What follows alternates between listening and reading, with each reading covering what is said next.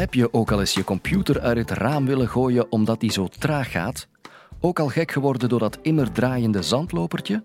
En stond je de waanzin eens nabij omdat je website niet wou laden?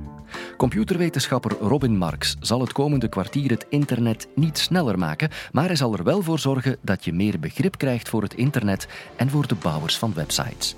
Kunnen ze het internet niet sneller maken? Dit is de Universiteit van Vlaanderen.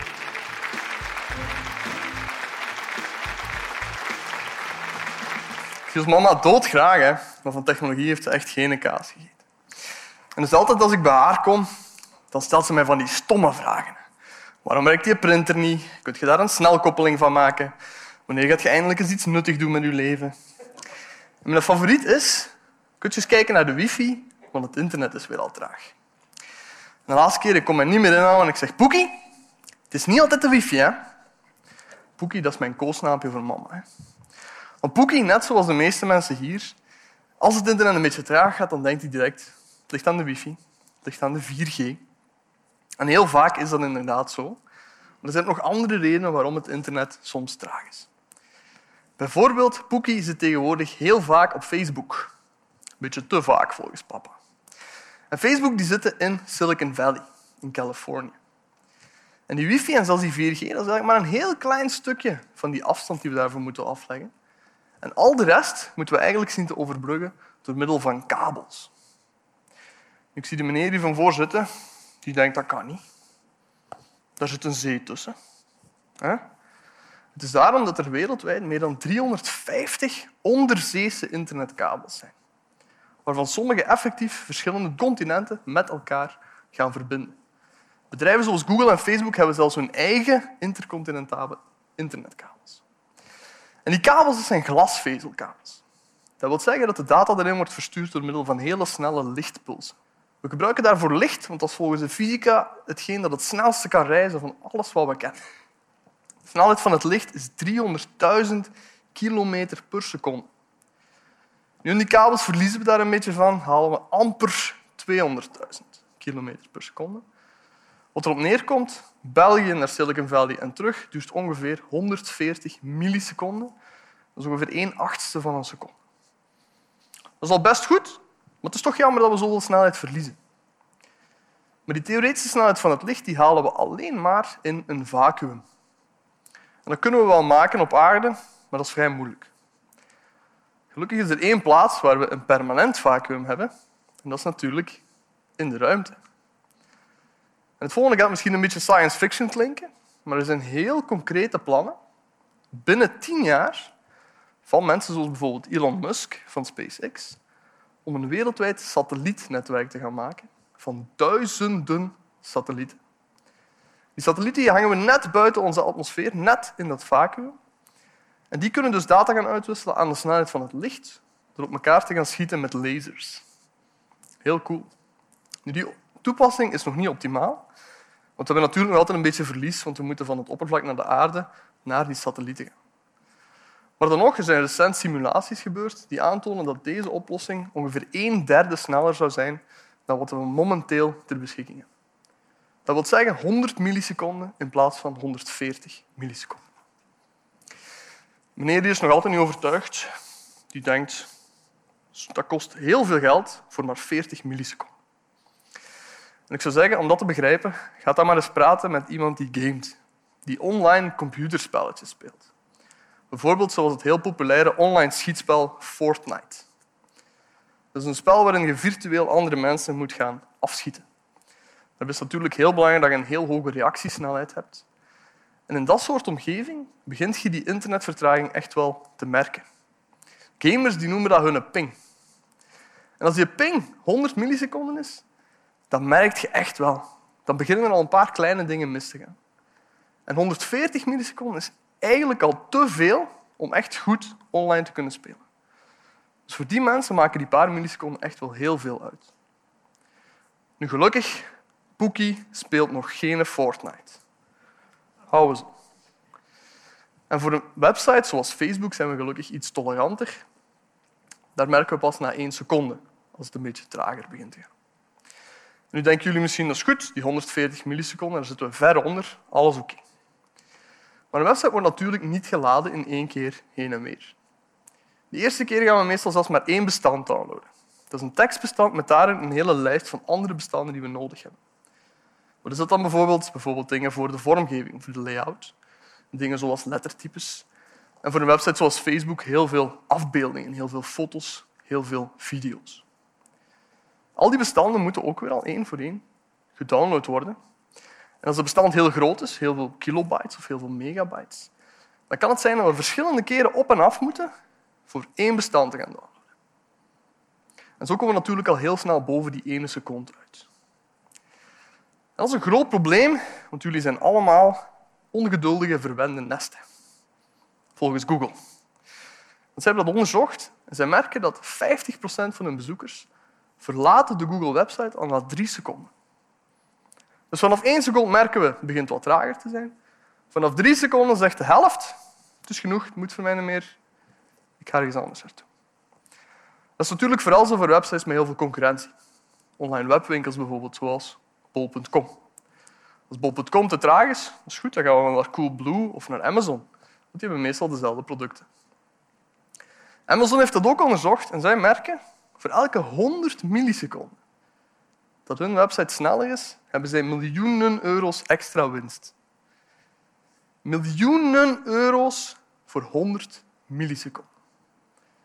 Klinkt weer heel ongeloofwaardig, maar er zijn heel veel bedrijven die dat effectief ook hebben getest en bevestigd. Dus voor die bedrijven is het heel belangrijk dat die website zo snel mogelijk kan geladen worden. Daar gebruiken ze verschillende technieken voor, maar de belangrijkste ervan is caching.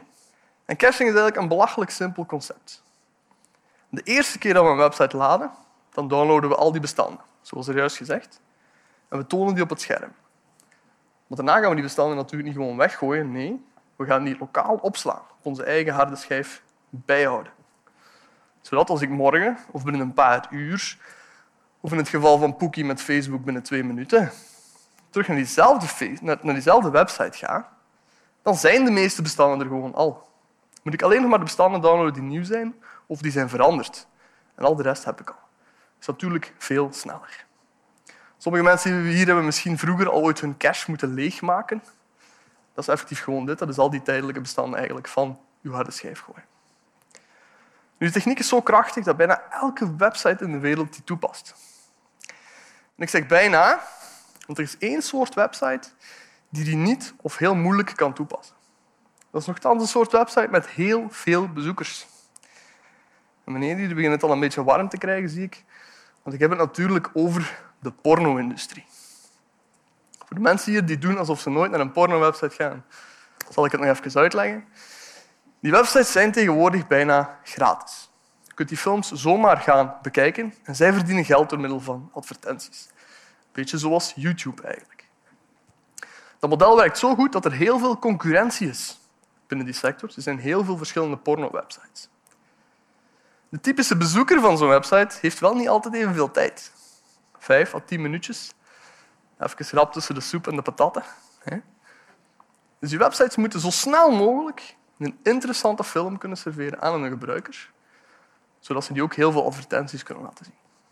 Het probleem is, ze kunnen die caching niet gebruiken, want al die sloebers hier die willen niet dat iemand weet dat ze naar die websites gaan natuurlijk dat doen ze door middel van de zogenaamde incognito-modus, de privé-modus op hun computer.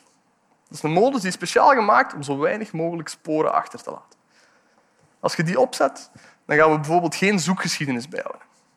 Maar natuurlijk ook geen caching. Want anders zouden die bestanden misschien kunnen achterblijven en dan zou iemand anders die kunnen vinden. Bijvoorbeeld Pookie. En laat me zeggen, dat wil je echt niet meemaken. Dus die sites die moeten een andere techniek zien te vinden om sneller te worden. Nu, ik daar ben beginnen te kijken, ben ik toch eens naar mijn professor gegaan. En ik zeg, lijkt me heel interessant, maar ik heb schrik dat ik mij een beetje ga schamen als ik dan aan mensen moet vertellen wat ik zo al dagdagelijks doe. Hij zegt, ik begrijp dat. Ik schaam mij ook altijd als ik tegen mensen moet zeggen dat ik in het onderwijs sta. Die porno-websites hebben wel al diezelfde inzicht gehad, het is vooral traag omdat we zo'n hele lange afstand moeten afleggen. We kunnen die afstand voor porno-websites niet helemaal wegwerken met de caching, maar misschien kunnen we die wel een klein beetje verkorten. dat is effectief wat ze doen. Die gaan eigenlijk in alle landen, in verschillende landen ter wereld, gaan die extra computers gaan huren. Nederland, Duitsland, soms zelfs België. En die gaan eigenlijk kopies van al hun films op die extra computers gaan zetten.